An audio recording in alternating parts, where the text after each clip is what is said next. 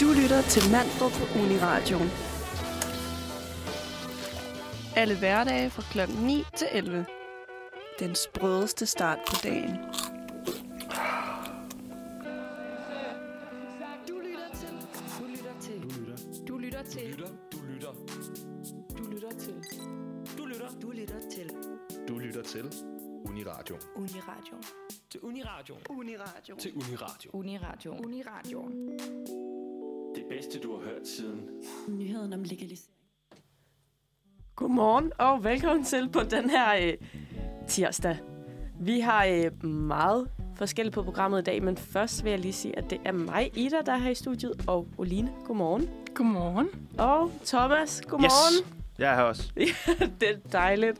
Glædelig valgdag. Ja, det er nemlig det. Det har du ventet hele morgen på at sige. Ja, jeg sagde det også til dem nede i stemmeboksen, og de var bare i lige måde. Det er så fedt, når der er nogen, der deler ens glæde for valg. Jeg føler, at I har glædet jer til det i, øh, i to uger, siden vi fandt ud af, at vi faktisk skulle sende Ja. radio på valgdagen.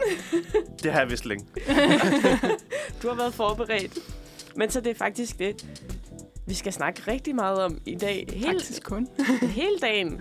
Men det, men det bliver jo ikke øh, en, en tung dag, bare fordi uh, vi skal snakke en, uh, en masse politik. Det kan vi jo godt blive enige om. Jeg forstår ikke, hvordan man overhovedet kan sætte lighedstegn mellem tung dag og politik, fordi det er jo bare fedt. Og det tror jeg, nogen, jeg, jeg tror, at jeg forstår det. Nej. Jeg er bare ikke enig. Men vi skal jo ind på lidt forskelligt i dag. Vi skal snakke lidt om, uh, hvad, hvad der egentlig er fedt ved kommunalvalg og regionsrådsvalg versus folketingsvalg. Fordi det er der måske ikke. Det er måske ikke alle, der ved det. Øhm, så skal vi også snakke om, hvilke kommuner, der er spændende at holde øje med. Fordi det er jo ikke sikkert, at det kun er den kommune, man selv bor i. Der sker jo meget. Det er jo faktisk et kæmpe sådan paradise-valg på en måde, fordi at der er mega meget backstabbing og øh, sådan Jeg føler, snakken i krogene og sådan i kommunalvalget, Ja. hvor ved folketingsvalget er det lidt mere obvious, hvad der kommer til at ske. ja, jeg føler på en eller anden måde, at det er lidt mere øh, giftigt. Det lyder Ja. så voldsomt. Men sådan, ja. ja, det, ja, meget mere Paradise. Det var en god, god. Ja, en god Reference. reference? Stop! Men vi får også øh, en gæst i dag. Yeah. En gæst, der stiller op her i, øh, i København. Det er, Til øh, kommunalvalget. til, til kommunalvalget, ja. Det er øh, Mads Balslev fra SF, og vi, har, vi skal snakke med ham om alt muligt. Vi skal ikke kun snakke med ham om øh, hans politik. Men Nej, faktisk vel lidt i mindre grad om, om politik, men også øh, lidt om, hvad der ligger bag det at føre valgkamp. Nogle af de ting, man, øh, man ikke ved så meget om som almindelig vælger, men som, øh, som man jo skal igennem af de lavpraktiske ting. jeg tror, det bliver super spændende at have ham med i dag. Og hvad skal vi mere snakke om? Så skal vi også snakke om alt for damernes kandidattest. Den glæder jeg mig lidt til at Ja, det snakke glæder om. jeg mig også til. Og til slut, så skal vi snakke om, øh, om, om dobbeltmandater, og hvad det er, og hvad det går ud på. Så jeg tror, det bliver et, øh, et godt program i dag, hvor vi kommer øh, rundt om kommunalvalget. Og regionalvalget. Og regionalvalget selvfølgelig. Det forsømte valg. ja, det skal vi huske. Men Det kan være, at vi bare skal starte med at høre et nummer, eller hvordan? Ja, som øh, bare starte hårdt ud, og så... Øh, og så, hvornår er det, vi får masse ind, siger du? Mads, han kommer omkring kl. 9.30. Så I hænger lige på os tre i en øh, lille halv time, og så bliver det spændende. Jamen helt sikkert. Så lad os, øh, lad os smutte videre til et nummer, og så øh, kører vi bare hele det fede program igennem bagefter. Yes.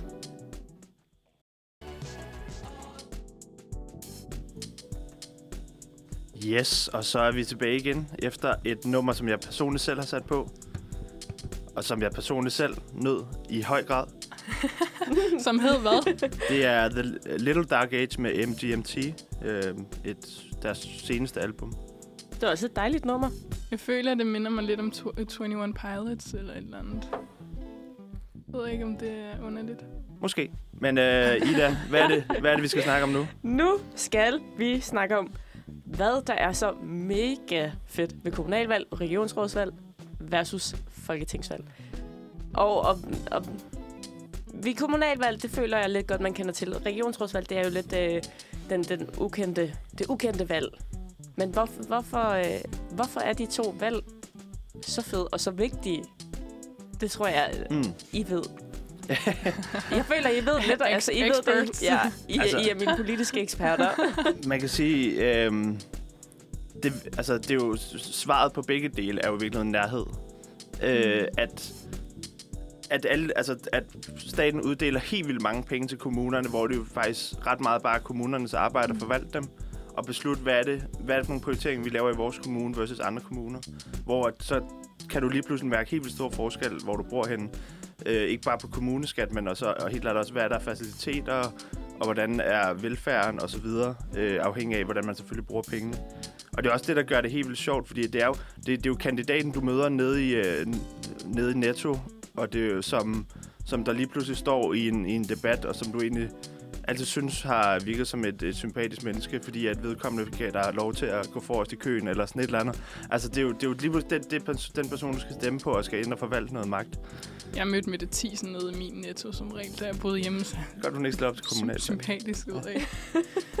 Ej, det må man ikke sige.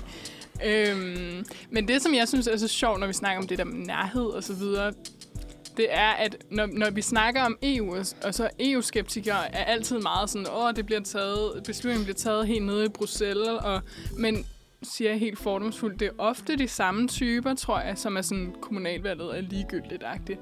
Men det kan man bare altså, ikke rigtig sige begge dele, fordi kommunalvalget er netop der, hvor du får mulighed for, og regionalvalget for den sags skyld, at få indflydelse på en lidt, et lidt nærere plan. Og jeg tror, at folk rigtig meget undervurderer, hvor meget kompetence af kommunal, kommunal, hvad hedder det, kommunerne og regionerne rent faktisk har øh, fra Folketingets side. Det er, hvis man kigger sådan lidt teoretisk på det, er det også en mega smart metode for folketingspolitikerne at ligesom pass the buck. Og sådan sige, om det, det må de finde ud af, og så tør den af på dem, så står de ikke til ansvar for det. Så øh, det er på godt og ondt. Men det, som jeg også synes er sjovt, er at se forskellen på øhm, kandidater i, nu er det mest kommunalvalget, i København, hvor det faktisk er meget professionaliseret, synes jeg. Øhm, det, øh, det, ja, der er mere et professionelt apparat om det, end når jeg for eksempel er hjemme og besøger min mor i Hillerød, hvor det er meget mere sådan hende nede i Netto, der er super sød. Ja, Øhm, hvor det er meget mere normale mennesker, og det, som jeg synes er befriende, når jeg, når jeg er hjemme i Hillerød, det er også bare at se, at kommunalpolitik, en kvalitet deri, synes jeg også, at det er virkelig for alle.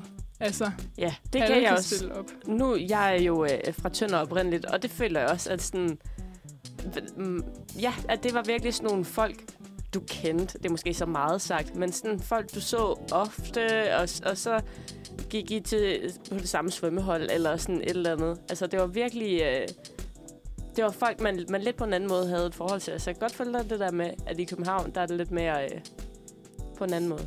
Så jeg tror også bare, det er vigtigt for den politiske, det politiske engagement og forståelse for folk at se, at øh, gud, de der politikere er ikke så sådan hævet op til noget, eller sådan nogle typer mennesker. Det er faktisk bare øh, Bente nede fra Superbrusen-agtigt. Ja, ja, det har du fuldstændig ret i. Altså, det altså, fant- også fantastisk at se, at når der hænger valgplakater over alt i, som... Altså for eksempel at cykle over kommunegrænser. Nu cyklede jeg, jeg hjem til mine forældre i Dragør her for et par dage siden, hvor jeg skulle alligevel hen over to kommunegrænser fra København til Tornby og fra Tornby til Dragør. Og hvordan, hvad, hvordan det fuldstændig ændrer sig både, hvad det er for nogle typer partier, der stiller op. For eksempel, der er enhedslisten stiller ikke op i Dragør, for der er, simpelthen, der er bare ikke nogen aktive. Eller sådan, Seriøst? Ja, ja, eller sådan. Det, er, det er en relativt lille kommune, øhm, og, og, og den er sådan ret blå i det generelt. Ja. Øhm, men til gengæld kan jeg se, at øh, det lige er Måns Kammers søn stiller op i Dragør, eller sådan, og så bliver man lige pludselig... eller, men, men også så kan man se nogle, nogle valgplakater med sådan, åh, oh, det der efternavn kender jeg sgu da godt, ja. Ham har jeg sgu da gået i skole, eller det må nok være hans far, eller sådan noget.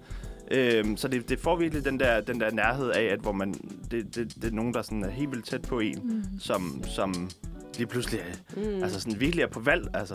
Mm. Og så også bare sjovt at se, hvordan det, der, det er så forskelligt i, alle, i, i de mange kommuner. Altså, det var, når man går fra Vesterbrogade til, øh, til Frederiksberg Allé, hvordan det sådan, altså hele auraen bare Ja. ændrer sig, ikke? Altså, Men det er også det, der er fedt. Altså, det kan noget, at, at det godt kan være så diverst, selvom ja. at det ligger lige op og ned af, af hinanden. Og apropos, hvordan det kan være forskellige i forskellige kommuner, så skal vi jo øh, om lidt snakke om, hvilke kommuner, der er mm. spændende at holde øje med. Men øh, lad os først høre et stykke musik med Skakmat. Velkommen tilbage. Det var et, øh, et nummer, der hed Hvem er vi med Skakmat. Og det er jo den helt store kommunalvalgsdag i dag. Og regionalvalg. Og regional. Det, man, man er så vant til bare at sige, det er kommunalvalg. Ja. Men Uline går så meget op i det. Jeg, jeg husker kæmper det. en kamp for, at man husker det regionalrådsvalg. Og jeg ved ikke engang, altså jeg kan sige, det handler rigtig, rigtig meget om sygehus, og så handler det åbenbart også om jordsortering, har jeg hørt. Mere kan jeg ikke sige om Ej, regionalvalg. der, der er nogle andre små ting. Der er noget, altså sådan forskellig transport af, af hvad det hedder, ældrepleje. Og, mm. og også sådan, der er også noget uddannelse, som jo foregår for eksempel på hospitaler. Og sådan. Altså det, der er mange små niche-ting også i virkeligheden, som, som på en eller anden måde er relaterbare. Men så husk at stemme til begge dele. Men nu skal vi snakke om, om lidt noget andet. Nu skal vi snakke om øh, spændende kommuner. Fordi der er jo øh, der er nogle forskellige, der kan være spændende at holde øje med, selvom man måske ikke lige bor i den. Thomas, hvad, har du nogle øh, spændende kommuner, du har tænkt dig at øh, følge lidt med i? Altså, ja, jeg, jeg, har, jeg har faktisk... Jeg er ved at, at få opbygget mig en lille liste. Øhm, men, og, og man kan sige, der er jo nogle, der er jo nogle oplagte, altså København, Frederiksberg og sådan noget, også fordi man selv bor her. Og jeg er selvfølgelig også meget interesseret i at høre, hvad der foregår i Dragør, fordi det er der, jeg kommer fra. Men, der, er- jeg tror, der er to kommuner, som jeg lige nu øh, faktisk godt kunne være ret interesseret i at, at se, hvad der sker. Den ene er øh, Bornholm Kommune, fordi... Øh, der DF'er der. Nej, nej, det er, øh, det er fordi, der er en... Øh, der er det faktisk... Der, det kan godt være, at enhedslisten er populær i København. Men i Bornholm har de faktisk en reel chance for at få borgmesterposten. Den første, for første gang nogensinde. Øhm, fordi der er en, en, en super fed øh, kandidat, som, som altså sådan, på, hans beskrivelse er måske det mest folkelige, jeg nogensinde kan, kan, kan komme i tanke om, fordi han er sådan... Han har en lang videregående uddannelse, men så valgte han at blive tømmer bagefter i stedet for. Altså sådan, hvor folkelig kan du blive, ikke? Øhm, men hvad det hedder, det, så det, det er meget spændt på at se, hvor, hvor meget han trækker, fordi det virker som om, de Socialdemokraternes spidskandidat, han er sådan en gammel, tør, kedelig person, der virkelig aldrig har været på et retorikkursus. Øhm, men Rebild Kommune også er faktisk øh, ret interessant, øh, fordi det er der radikale har øh, deres eneste borgmester lige nu. Og, og måden, den, de fik den på sidst, skulle vist have været øh, virkelig meget op til den konstituering, og hvordan det lige endte og sådan noget. Øh, så om de overhovedet kan beholde den... Øh, altså man kan sige, der er jo en borgmestereffekt, så det kan jo godt være, at folk er villige til at stemme på dem nu, når de har ligesom drevet kommunen i fire år. Men om, om, det, altså sådan, om det er nok til, at de måske ikke bare ender med at blive en eller anden venstregud eller sådan noget. Øh, så det, det, det er jeg meget spændt på at se, om, om radikale kan beholde deres ene øh, borgmester der. Hvem er radikale valgforbund med i Rebild, ved du det? Nej, det ved jeg ikke. Det er jo meget interessant, om det var rød eller blå. Øh, mit bedste bud er det nok bare Socialdemokratiet, måske Ja. og SF eller sådan et eller andet. Ja. Ja. Mm. Hvad med dig, Oline? Der er- har været noget øh, bøvl i Slagelse Kommune. Og hvad var det, de kaldte det? Et giftigt byråd. Ja, et giftigt byråd. Ja, og det allerede der, så tænker man jo, hvem er det, der har lyst til at stille op i et giftigt byråd. Men Men det kan jo være, at der, der skal jo nogen, der skal jo være nogen, der stiller op for, at de kan ændre det. Ændre øh, deres image. Det vi må jo... håbe, de får stemt en masse alternative typer ind, så de kan danse og hygge Ja, sig sammen. ja. Ej, men der var noget bøvl med øh, en, en pagt, der blev indgået mellem en socialdemokratisk borgmester og en liberal allianceborgmester, og så nåede ham Liben, Liben aldrig rigtigt at få den der periode, og det tror jeg bare, der er sådan lidt bad blood. Ja, men så, man, så har man altså også været naiv. Eller sådan, altså at hvis... Når, når du er valgt som borgmester, eller sådan, der er ikke noget som sådan, der gør, at du kan, der kan trække stemmerne væk fra dig. Det er ikke ligesom til folketing, i Folketinget, hvor at, at støttepartierne altid kan smutte. Mm. Altså, når konstitueringen har været der, så er den fast. Ja, Men så er der jo også Kolding Mm. Kommune, yeah. hvor at der jo er noget, som jeg har hørt omtalt som president election-agtigt, fordi der er jo øh, vores allesammens øh, The Ice is Melting on the Polls, Uh. Willy. Og så har vi. Eva Kjær, som også har været ude i noget, noget bøvlet fiskeri eller andet, tror jeg nok. Så det, Jamen, hun blev, var det ikke hende, øh, Berlingske afsløre? Hun var miljøminister, mener jeg, og, øh, og der var der en journalist fra Berlingske, der fik Kavlingprisen på at afsløre, at hun havde noget bøvl i sit ministerium, som gjorde, at hun blev nødt til at trække sig for, nogle, for mange år siden. Mm. Ja. Ja, så øhm, dejlig valgdag i Kolding. Der er to gode kandidater, og der har i øvrigt i Kolding også været et eller andet bøvl med nogle valgplakater, der blev hængt Nå. op øh, klokken 7 om morgenen. Øh, Nå, ja, ja, ja. De, I ja, stedet for klokken ja. 12, fordi så stod de ikke i vejen for lastbilkørsel eller et eller andet, Ja. sagde de, det var så Ja, og det siger de, de gør de hver gang, øh, selvom de ikke rigtig må. Ja, det, det, Kolding. det er teksterinterview, man kan høre, hvis man Mm. gerne vil grine lidt, fordi ja, det er lidt bøvl. Men det er jo særlig sjovt med, altså med Eva Kjær og Ville Søvndal der, fordi altså Willy, han, altså du kan jo nærmest ikke se ham i et interview, uden han siger, jeg har jo boet i Kolding i, altså, møg mig, og født og opvokset i Kolding og sådan noget, altså Kolding mand hele vejen igennem. Og Eva Kjær, hun bor jo faktisk i Åben Rå, men har lige købt en, har vist købt en lejlighed i Kolding, hvor hun så har noget adresse der, der gør, at hun kan stille op. Og det tror jeg, der er mange, der synes er ret suspekt, og sådan lidt... Øh, altså, den eneste fordel, Eva Kjær har, det er, at Kolding er vant til at have en Ja, venstreborgmester. det skulle jeg lige til at sige. Altså, det, de slår mig som et meget venstreagtigt område, frem for et SF-område. Helt klart. Øhm, og det er jo nok vel i det i sidste ende det. Altså, fordi hvis de er et meget venstreområde, så tænker jeg heller ikke, at de har kigget på Willy Søvndal, da han var minister, og tænkt, pissegodt, Willy. Dig vil vi gerne have som borgmester. Nej, så nej. der er jo nok den effekt der. Helt klart. Så, Øhm. det, så det er jo for Eva er det partiet, der, der trækker op, Ja. og hende selv, der trækker ned. Og for Willy er det partiet, Mm. der trækker ned, og ham selv, der Ja. trækker op. Ja. Ja, Spændende. det er spændende. ja, men Ida, du har ikke lige en, du lige vil... Øh... Jeg tænker, måske skal vi øh, tage et stykke øh, musik først. Ja. Og så kan jeg fortælle, hvad jeg, øh, hvad jeg synes er spændende. jeg har lovet at sætte en kæmpe banger på her. Det var et dejligt nummer. Det var øh, godt, godt valgt, Thomas. Det må jeg simpelthen give dig. Ja, tak. Jamen, jeg har hørt, at vi har fået ros af publikum. Ja, ja der er, øh, musikken bliver rost. Vi er i gang med at snakke om, hvilke kommuner, der er spændende at holde øje med. Og vi har været lidt ind over øh, Kolding, og vi har snakket om Bornholm og Rebild. Mm-hmm. Mm. Jeg synes jo, jeg er jo nok også lidt farvet af, hvor jeg kommer fra, men Tønder synes jeg faktisk er ret spændende, fordi Tønder er jo kendt for at være en rigtig, øh, en rigtig venstreby. Ja, var det ikke noget med, at de havde øh, absolut flertal, eller sådan tæt på? Jo, jo, jeg tror, de var øh, lige, lige på øh, nippet til at få øh, Okay. absolut flertal. Ja, det var nok Herning, så. I Herning havde de absolut flertal. Ja, det, øh, det kan meget vel være. Men så Tønder, så fik de jo en, øh, en venstre borgmester. Og alt er, som det plejer. Men så øh, valgte han at, øh, at danse sit eget parti. Det lyder som starten på sådan en eller anden julekalender. Ja, det, alt er, som det plejer. Men så... Ja, så dannede han simpelthen sit eget parti, Tønderlisten, hvis ikke jeg tager fejl, og tog øh, øh, mm, en hel del mandater med sig. Så det er, nu, nu er det sådan lidt om, øh, om vælgerne de øh, holder sig til venstre, eller om de, øh, de støtter ham. Er det det, der også har været med i DR's program Kommunekontoret? Det er det. det, det. Det kan jeg forstå. At, øh, ja, det er det. Og ellers så øh, Frederiksberg Kommune er vel også lidt spændende, fordi den plejer at være øh, konservativ. Grøn, kan man sige, ja. Ja, ja. konservativ.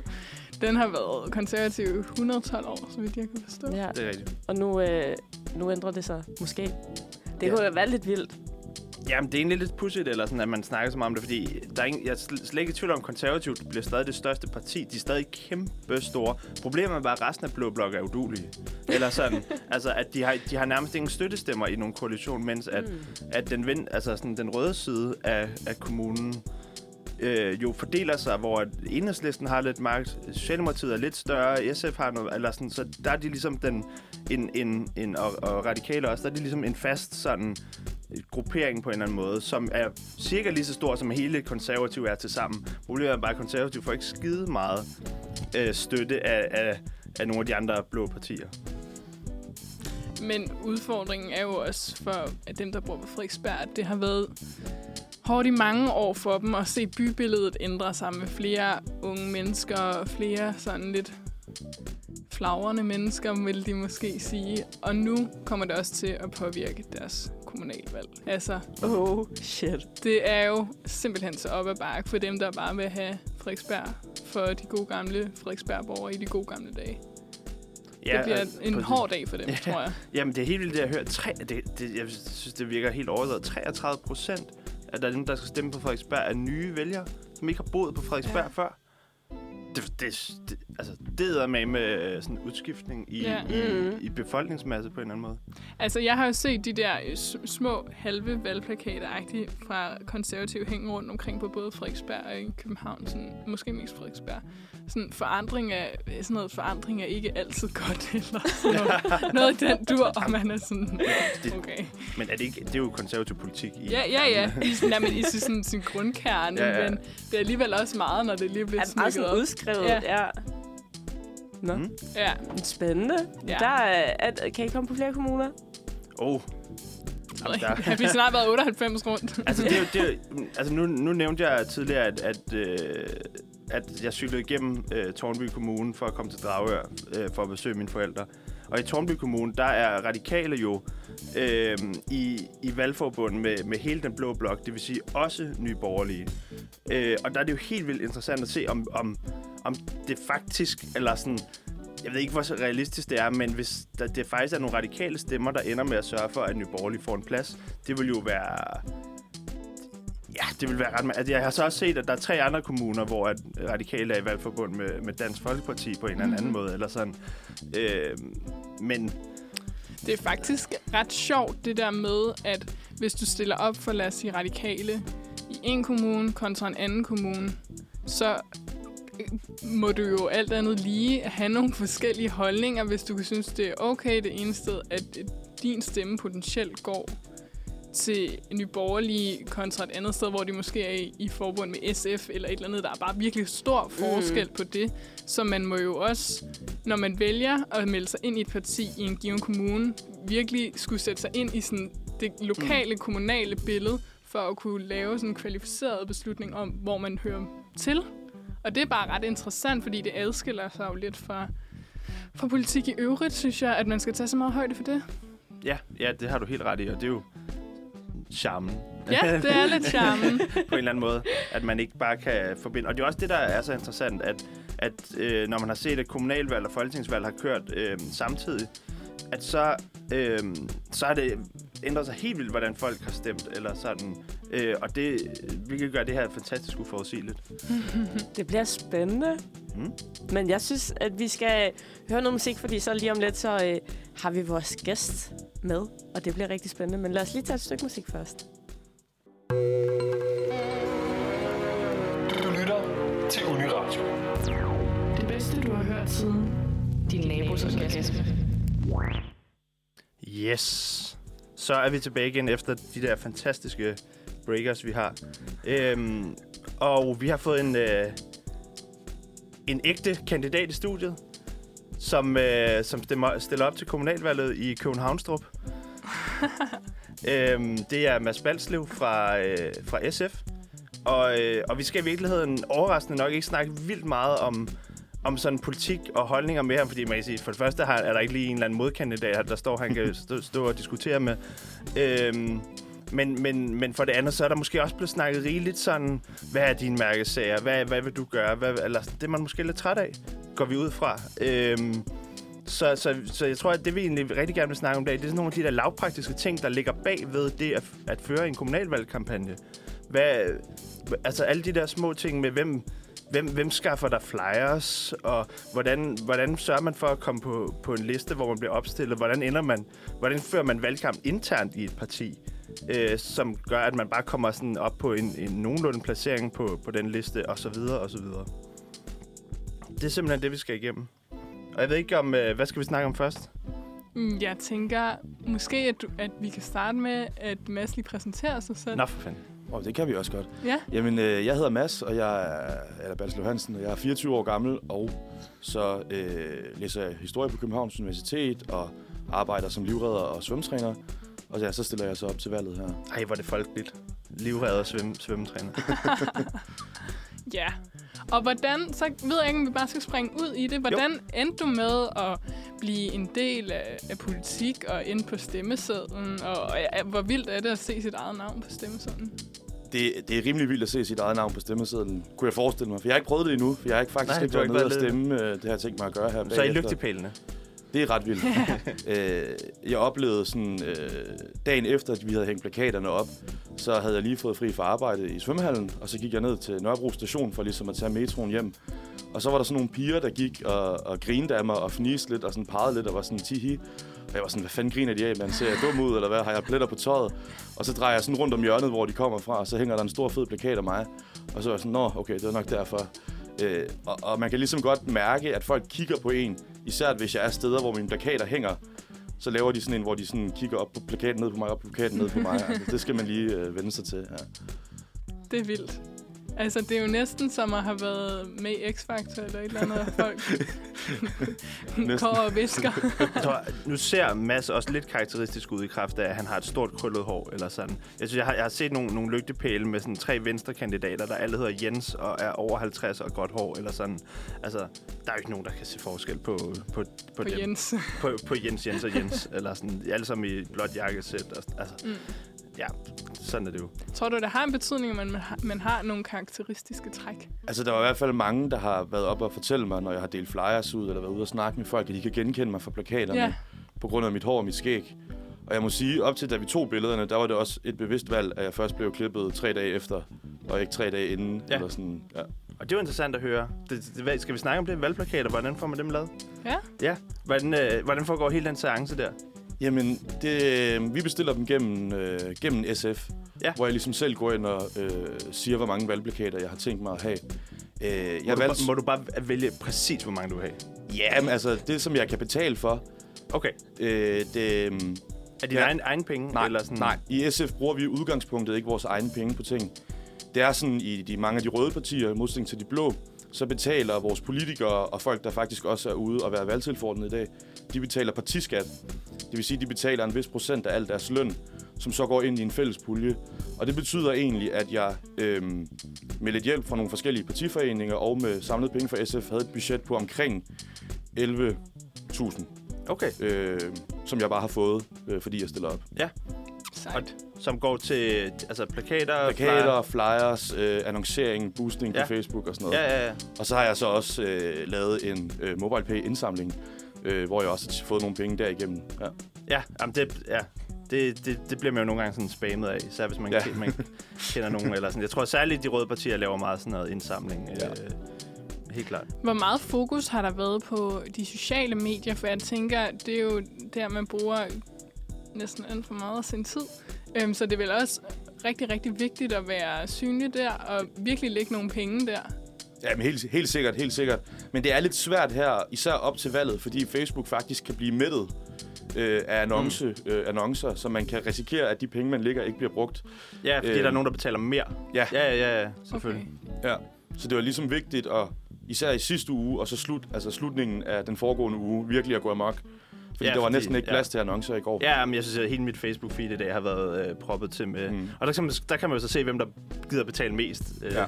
i virkeligheden til, til Facebook. Det er jo så det, man kan se lige for tiden. Det er jo en helt videnskab. Ja, altså, jeg, jeg vil tro, jeg har brugt omkring 2.500 Okay. på øh, Facebook og Ja. Instagram. Ja. Hvad med sådan, altså, øh, ja, plakater og flyers, hvor meget koster, hvor meget koster sådan noget? Jamen i hvert fald gennem dem fra, hvor vi bestiller, der gav jeg... Nu skal jeg lige tænke mig om. Jeg gav 2.000 for 100 plakater.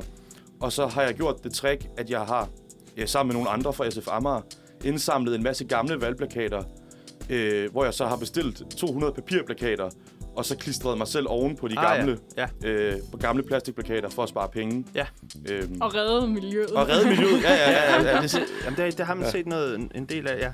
Faktisk. Så, så man kan godt have risikeret at se nogle af mine valgplakater, hvor jeg sådan flapper lidt, fordi at, at papiret er ved Ja. ja. sådan at falde af. Ja. Jeg tror også, er det ikke Jan E., der har øh, virkelig proklameret, at hold kæft, han redder livet nu, fordi han har genbrugt sine plakater, de er sådan lidt afklaret af er, det, og sådan. er, er det fordi, han stiller op til så mange ting, at han Saving bare kan sådan hele tiden bruge de samme plakater? Ja. Og sådan ja, okay. Interessant. Ja, Men så plaster han så også sit ansigt til hen over alle mulige busser og sådan noget samtidig. ja. Jo, jo. Det var Nå, men øh, jeg kan mærke, at, øh, at Ida, hun rigtig gerne vil have, at vi skal sætte noget musik på. Øh, så det skal hun da bare have lov til. Værsgo. Så er vi tilbage igen. Og vi har stadig Mads Balslev fra SF i studiet. Og vi har skal snakke endnu mere om kommunalvalg, og, og endnu mere konkret, vi skal snakke vi skal fortsætte med at snakke om, om nogle af de der lavpraktiske ting, der ligger bagved. Øhm, det kan være, at vi skal snakke om, om det med, med opstilling. Altså, øhm, hvad der, det der, hvordan man ligesom både beslutter sig for at vælge at stille op til kommunalvalget, men også, hvad, hvad skal man så igennem af, af ting? Altså, skal man, man skal jo føre en eller anden form for intern valgkamp, og, og, øh, og urafstemning og alt muligt. Øhm, kan, du, kan du lige øh, give os, få os igennem den rejse? Ja, altså, jeg har været aktiv i SF og SFU i rigtig mange år, siden 2013. Nej, jo, 13, så vidt jeg husker, da jeg gik i 9. klasse. Øh, og så jeg har ført valgkamp for rigtig mange af mine venner.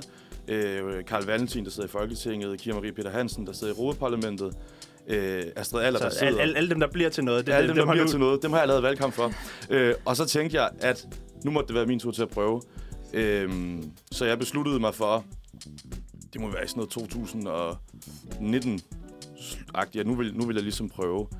Øh, og det, der, man, man, der ligesom sker, hvis man, skal, hvis man skal opstilles, det er, i hvert fald for os, at så skal man vælges af sin partiforening øh, til at blive opstillet. Øh, og det er så ligesom SF Amager. Så vi havde sådan en, en, en generalforsamling, hvor alle os, der ønskede at være kandidater, ligesom øh, stillede os op og præsenterede, hvorfor vi gerne ville stille op. Øhm, og så stillede vi heldigvis alle op, der havde lyst. Det Sejt. lyder dejligt. Mm. Ja. Dejligt demokratisk. Men så, men så efter man har ligesom har sagt, nu, nu, vil, nu vil vi stille op, øhm, så går der vel noget tid, før at der så er en eller anden uafstemning mm. i, i hele øh, partiet, ikke? Jo, altså, øh, vi var 27 kandidater, og vi fik ligesom vedtaget, at der skulle være plads til 25 kandidater på listen. Okay.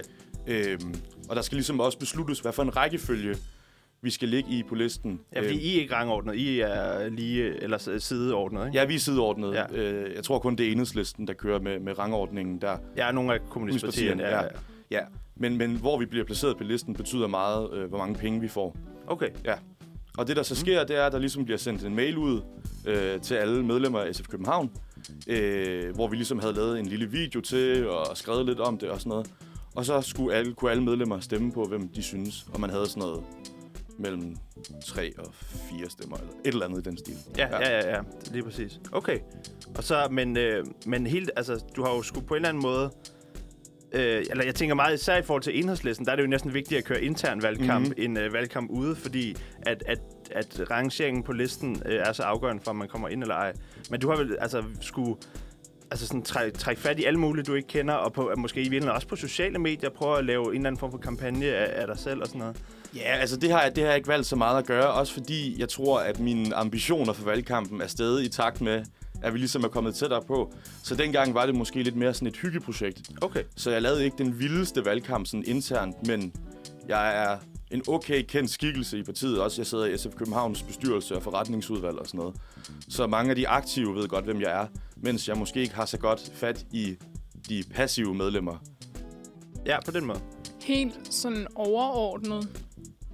Tænker du så, at det er et overskueligt projekt, hvis man tænker, jeg vil faktisk gerne blive, blive en del af et byråd?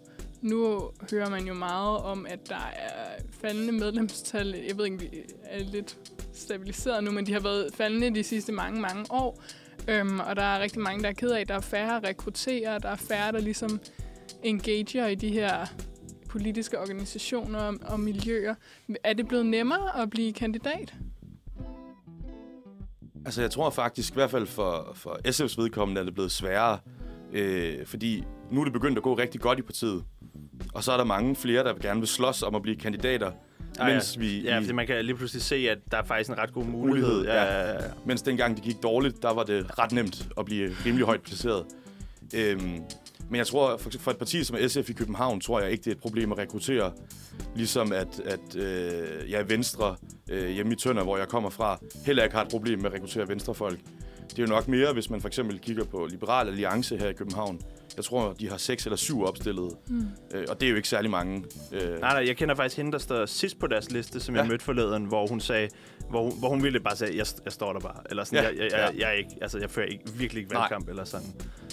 Men, men jeg vil sige, jeg tror, at de fleste partier, hvis man måske ikke er klar til at lave den helt store valgkamp, men gerne kunne tænke sig at prøve, øh, og komme ud og få nogle plakater, dele nogle flyers ud. Og... Man bliver vel stadig, man bliver i virkeligheden inviteret til helt vildt mange debatter, ikke? Selvom man øh, ikke er spidskandidat, gør man ikke? Jo, altså jeg har været ude, jeg tror, jeg har haft omkring 20 debatter Wow. på de sidste tre uger. Ah, det synes jeg er vildt mange. Ja. og det er sådan på små skoler og... Ja, men det har, det har faktisk mest været på, på kollegier og gymnasier ja. og sådan noget. Vi har sådan et... Øhm, altså, vi har sådan nogle debathold, kan Ja. man sige, især for os unge kandidater, hvor der ligesom er to debathold. Øh, og jeg er så på det debathold, der ikke er for de unge spidser. Nej, Øhm, ja, ja, altså ja, Astrid og... Ja, og sådan præcis. der. Ja, de Ja. På, ja, ja. Øh, ja, så er der en, en, en fyr, der hedder Emil Moselund, Radikal Venstre, øh, som ligesom har taget initiativ til den her gruppe. Øh, og så har hans valgkampsgruppe ellers bare kontaktet alt øh, inden for uddannelsesinstitutioner og kollegier og sådan noget. Så jeg har både været ude på Sankt Anne og Christianshavns Gymnasium foran 300 mennesker. Og så har jeg siddet på Elers Kollegiet i Indre By foran 20 mennesker. så jeg har været ude på meget forskellige. Ja, sådan- ja. Ej, det var også vildt interessant at høre, egentlig. Hvordan, ser din, øh, hvordan har din hverdag set ud her de sidste par uger? En klassisk Altså, altså, dag? Jeg har, øh, i, i forhold til skole, kan man sige, så har jeg været på halv tid, men jeg har heller ikke været særlig meget på uni, øhm, selvom jeg kun har fire timer om ugen. Men det har meget været noget med at stå op klokken øh, halv syv, syv, dukke op et eller andet sted, kaste nogle flyers, øh, tage til debat, øh, øh, spise frokost, tage ud, kaste nogle flere flyers, og så tage til debat om aftenen. Så hvornår slutter en dag? Jamen, den slutter måske klokken 10. Okay, men Ja. også øh, godt udkørt, så kan jeg forestille Ja. mig.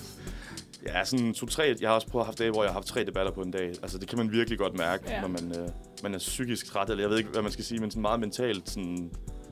Ja, Kan man mærke, at der er forskel på, hvor skarp man er i den første og den sidste debat? helt sikkert. Ja. Helt sikkert. Især også fordi øh, Emil Moselund, som jeg talte om tidligere, han har også lavet meget, altså nogle internationale debatter for alle de, øh, øh, ja, sådan nogle expats eller foreign students, eller hvad man skal kalde dem. Og så, Øh, ja, så det giver det lige en, Ja, et hvor vi også skulle tale, Ja, ja. diskutere kommunalpolitik på engelsk.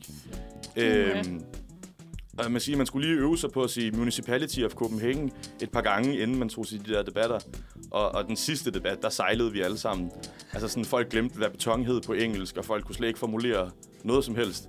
Eller sådan... Øh, Ej, det er også ekstra hardcore, hvis man er sådan lidt øh, ja. low on sleep, og Ja. så lige skulle køre den på engelsk, Altså, med sådan nogle fagtermer. Ja. Sådan men de var, Ja, de var ja. meget glade, de der Nå, det er øh, expats, for at vi Ja, kom ud. det, det er sjovt, fordi jeg, jeg tænkte egentlig sådan, at man måske, eller måske ikke var skarpere i de sidste debatter, men, men der har man jo ligesom formuleret den samme ting. Mm, Altså, lad mig, okay, Ja. lad mig gætte. Man siger rigtig meget det samme. Ja, ja, altså det er jo... Sådan nogle debatter er jo et teater. Ja. Altså, der er jo ikke nogen af os, der prøver at overbevise hinanden om ting. Det Nej, handler nej, jo det om, er klart. Det er overbevist publikum. Om at vinde ja, ja, publikum. Ja, ja. Så man kunne sådan, altså, så siger jeg et eller andet, så siger enhedslisten et eller andet, ikke? Og, de, og de gør det det samme hver gang. Altså, vi kendte alle hinandens linjer, og hinandens statistikker, og hinandens tal, og sådan, øh, ja. ja, okay. Ja, og så si- altså, man siger bare det samme igen. Eller sådan, har du også prøvet sådan løbende at, at, at ændre i, hvad, hvad det var, du tog frem hver gang, og hvad det var for nogle tal, og hvad... Og om, også fordi nu, nu kender du, altså jeg mener bare, nu kender du alle de andres, Mm. så har du så ikke et bedre svar til dem næste gang? Jo, altså, jo, men det er måske ikke så meget statistikkerne og tallene, men så er det mere sådan nogle retoriske argumenter, øh, som man ligesom kan, kan klare sig Alle med. statistikker kan jo tvistes lidt, ikke? Ja, ja, Sådan, ja, ja. Måske, Og man kan altid øh, sige, at man har fundet en anden statistik, der viser det modsatte. præcis. Men uh, Ida, uh, vi skal høre noget, uh, noget musik igen. Jeg er meget spændt på at hø- høre, hvad det er.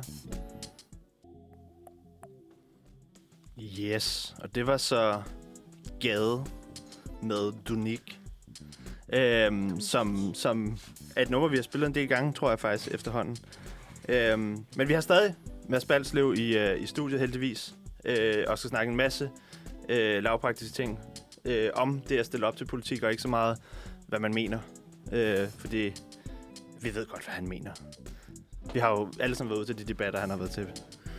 Samtlige. Samtlige.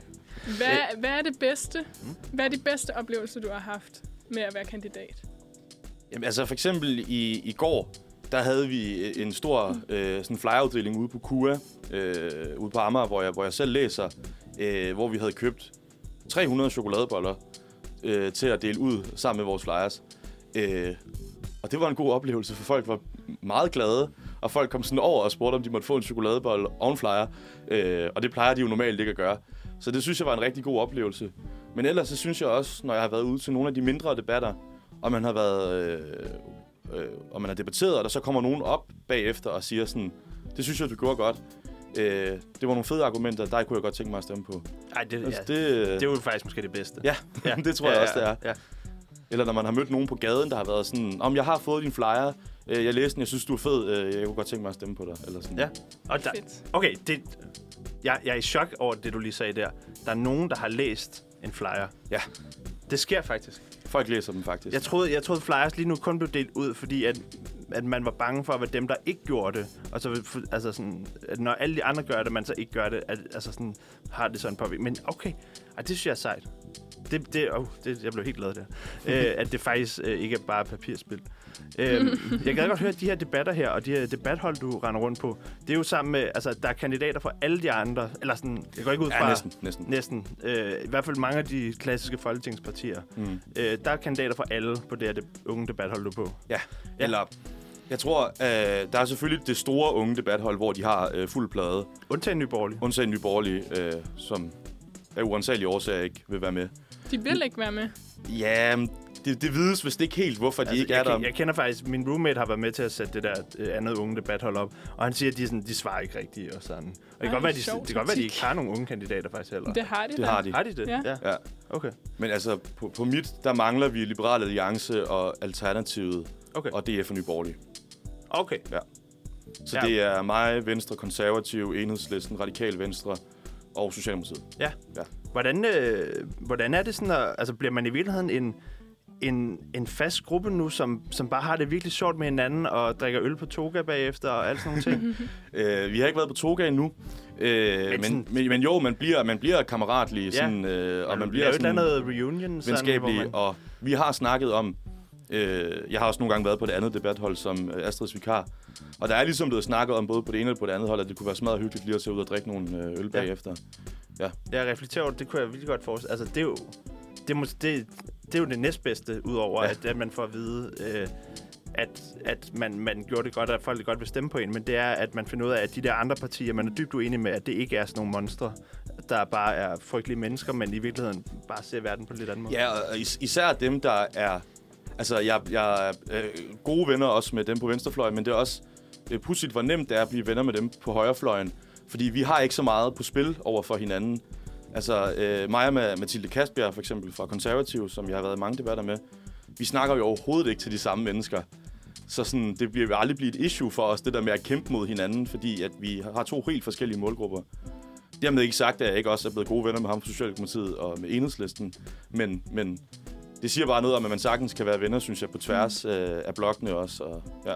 Jeg synes også bare, at det varmer sådan lidt et, Ja. et politisk nørdet hjerte, ja. at, at den der polarisering, som man hører så meget om, og kløfter, at den ikke i lige så høj grad måske gør sig gældende blandt kandidater, fordi at man netop får lyttet så meget til hinandens argumenter og snakket sammen, og det ville bare være dejligt måske, hvis det også kom lidt bredere ud i samfundet, at man behøver faktisk ikke at øh, tegne nazi-overskæg på DF-plakater, bare fordi at man er uenig med Nej. dem. Altså, der kan faktisk godt være et rigtig sødt menneske bag, øhm, og omvendt selvfølgelig.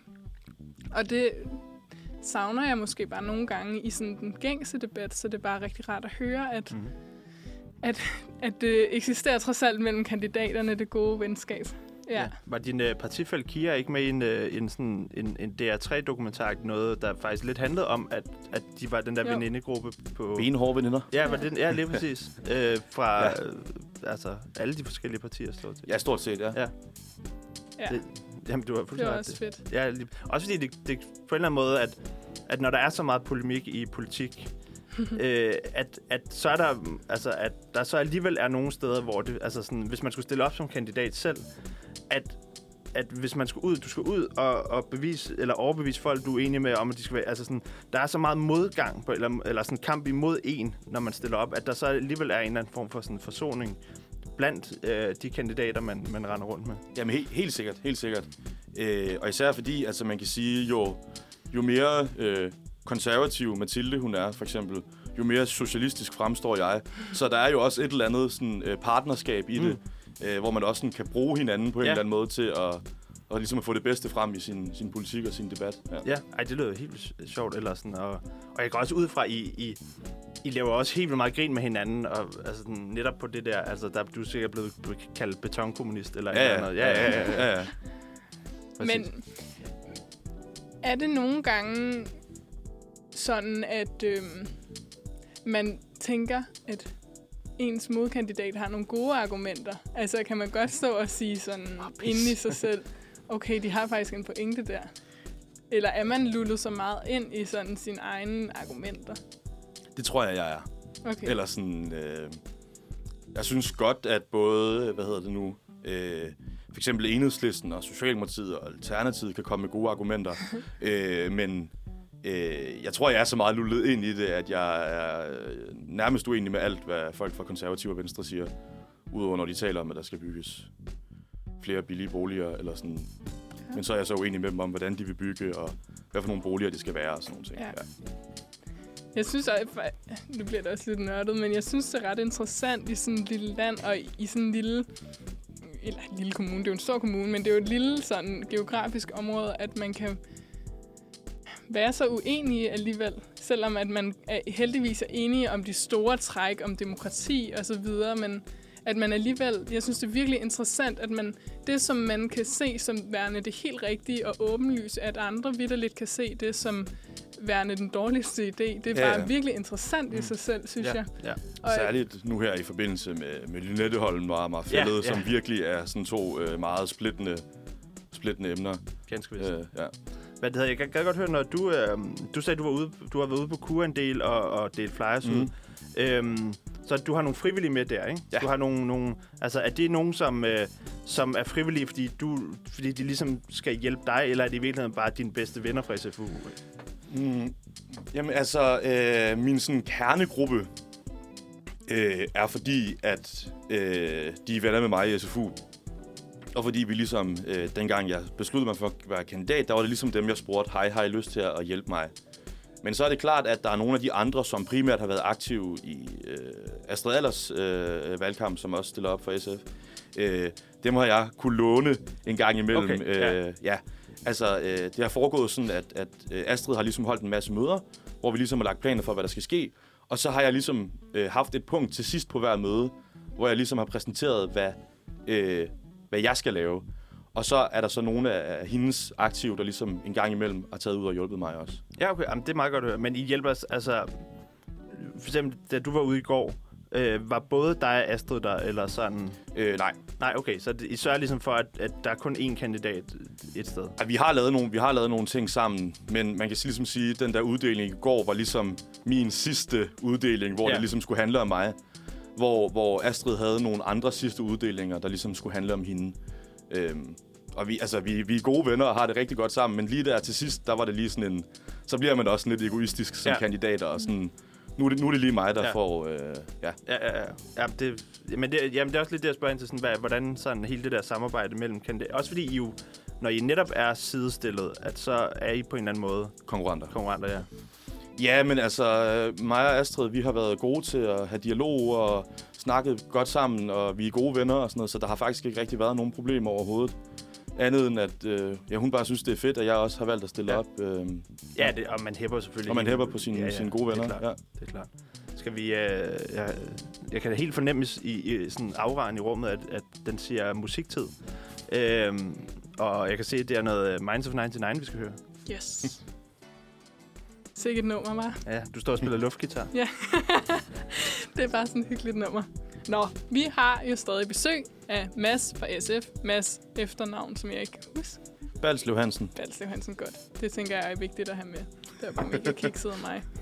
Ja, og vi skal jo, vi har snakket meget om, hvordan det er at være kandidat nu, hvad der er grineren ved det, og gode oplevelser og gode venskaber blandt øh, alle mulige former for kandidater for alle mulige partier. Nu tænker jeg, at vi skal snakke lidt om din politik, Okay. Hvis du har lyst. Jamen, det kan vi godt. Må vi lige øh, få ridset nogle mærkesager op til at starte? Jamen, altså, øh, flere billige øh, boliger, øh, især dem, der er almene, og flere kolleger i den, i den forstand. Og så øh, går vi til SF på valg øh, på øh, 100 bilfri gader i København.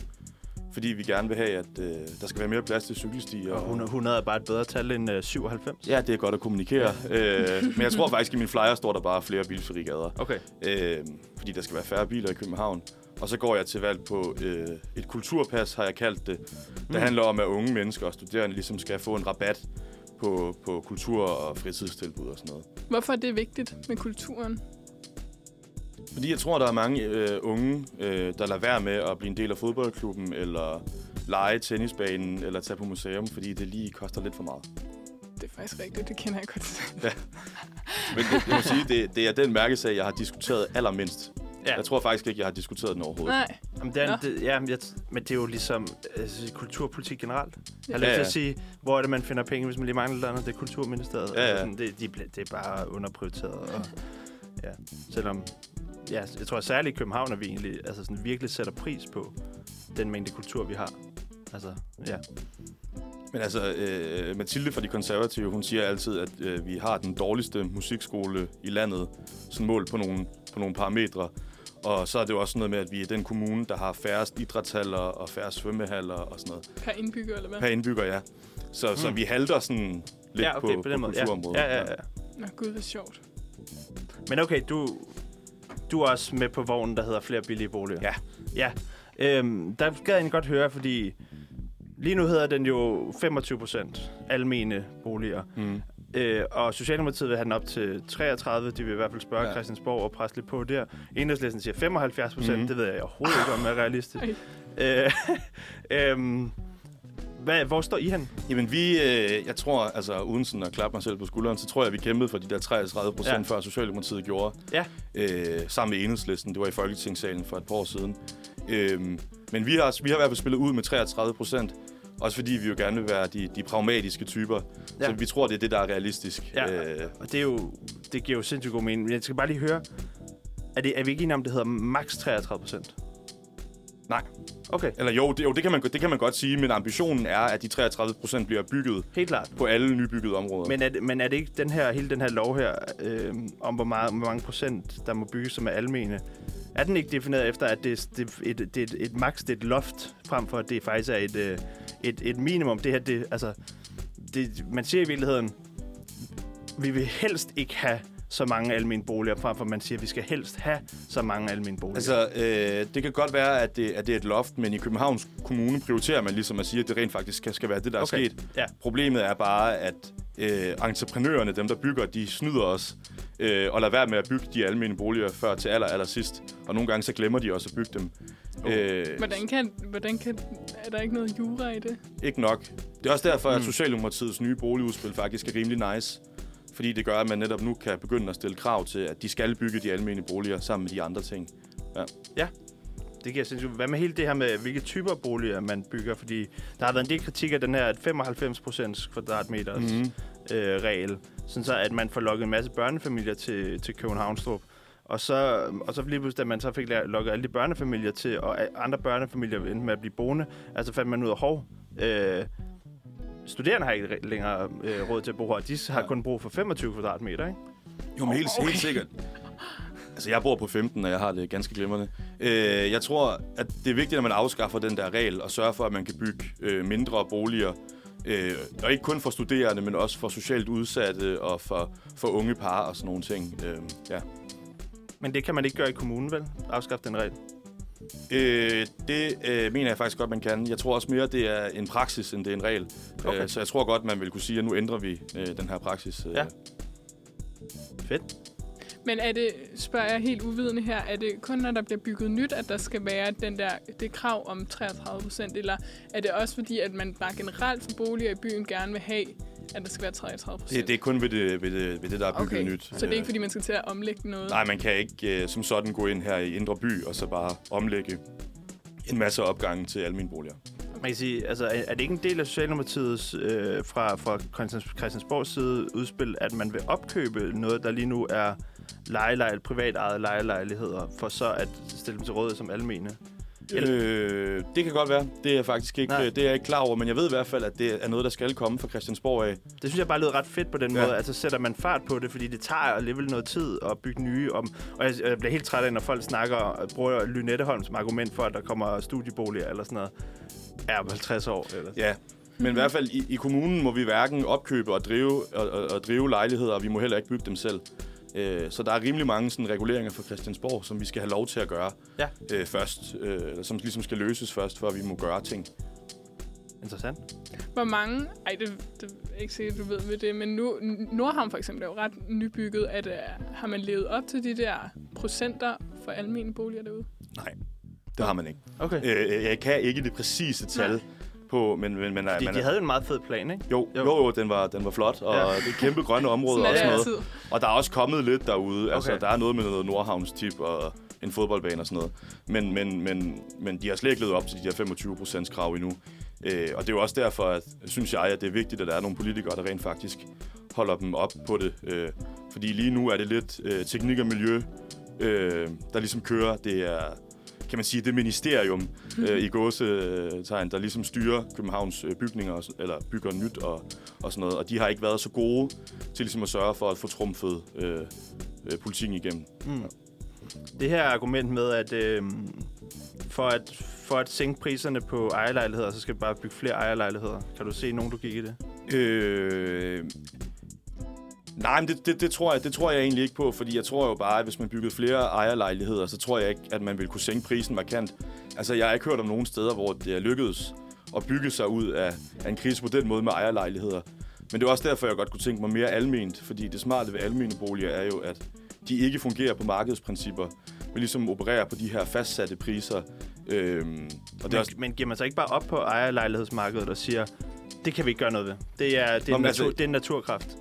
Jeg siger ikke, at der ikke skal bygges ejerlejligheder. Det, det, det kan da godt. Jeg synes bare, at det andet er vigtigere, fordi at, altså, der er jo ikke øh, mangel på dyre boliger. Altså, hvis du har 7 millioner, kan du sagtens gå ud og købe dig en bolig i morgen.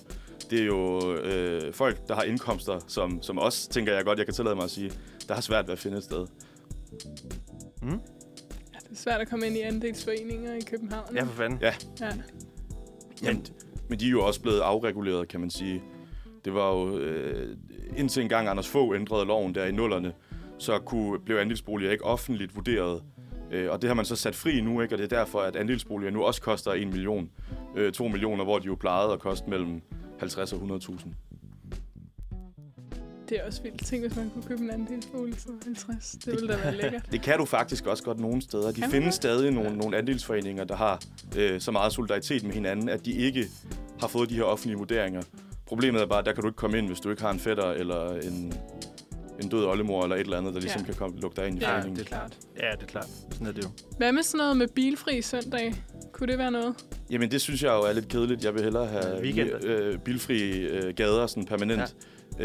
Øh, altså, jeg ved ikke, øh, jeg har tænkt meget på for eksempel Holmbladsgade øh, på Amager eller, øh, eller Jagtvej. Håndboldskade må Eller, meget gerne øh, blive hvad hedder bilfrit, den, kan jeg øh, afsløre. Hvad hedder den der på Østerbro? Østerbro Park Allé, eller hvad fanden den hedder? Når du sagen? Ja, jeg kan ikke huske, Når hvad du de hedder. Det kan også godt være. Jeg kan ikke huske, hvad den, hvad den hedder, den der. Altså, nede ved Trianglen er jo kæmpe kaos, så det Ja. kunne... Men altså, altså bare tage de her, de her veje og sige, jamen her skal der simpelthen ikke være plads til biler. Her skal der være plads til mennesker, til cykler, og til, så kan man lave grønne områder og sådan noget i stedet for. Mm. Øh, og ja, det vil være mere irriterende for bilejerne, men altså... Men hvad langt- med, hvad, med, ja, hvad med erhvervsbilejerne? Dem, der, altså sådan... Det er jo det, er jo, det, altså, det, er det argument, jeg kan følge bedst. Jeg har aldrig på noget tidspunkt ondt af en almindelig bilejer Nej. i København. Men, men alligevel dem, der skal igennem med nogle lastbiler, eller skal ud, fordi de skal fikse toilet et eller andet sted. Jo, men altså ligesom at øh, erhvervsbiler godt kan køre rundt inde på strøget, så tænker jeg også godt, at en tømmer vil kunne komme ind på en bilfri håndbladsgade. Ja, okay, fint nok. Eller folk med, med handicap, for eksempel. hvad, men Der men brug jeg for- tænker, man fjerner vel også parkeringspladserne, når man fjerner øh, muligheden for, at der kan køre biler. Ja. Hvor skal han så holde hen? Jamen, så må han jo holde ved der, hvor ligesom inde på strøget, for eksempel, hvis der skal gøres et eller andet, hvis der skal leveres nogle varer, så kører de jo ikke nødvendigvis ind på parkeringspladser, så parkerer de ligesom der, hvor det er, og så kører de videre igen. Okay. Det vil jeg sagtens kunne forestille mig, at kunne lade sig gøre. Men er det, der er mange børnefamilier, tror jeg, der vil påstå, det bliver... På den ene side vil I gerne have os ind til byen, men på den anden side kan vi ikke have nogen bil, og det er lidt bøvlet, når man har tre børn, og men jeg siger, jeg siger heller ikke, at bilerne skal ud. Jeg siger bare, at jeg synes, der er færre, der skal have det. Ja. Og lige nu mener jeg kun, det er 30 procent af københavnerne, der har en bil.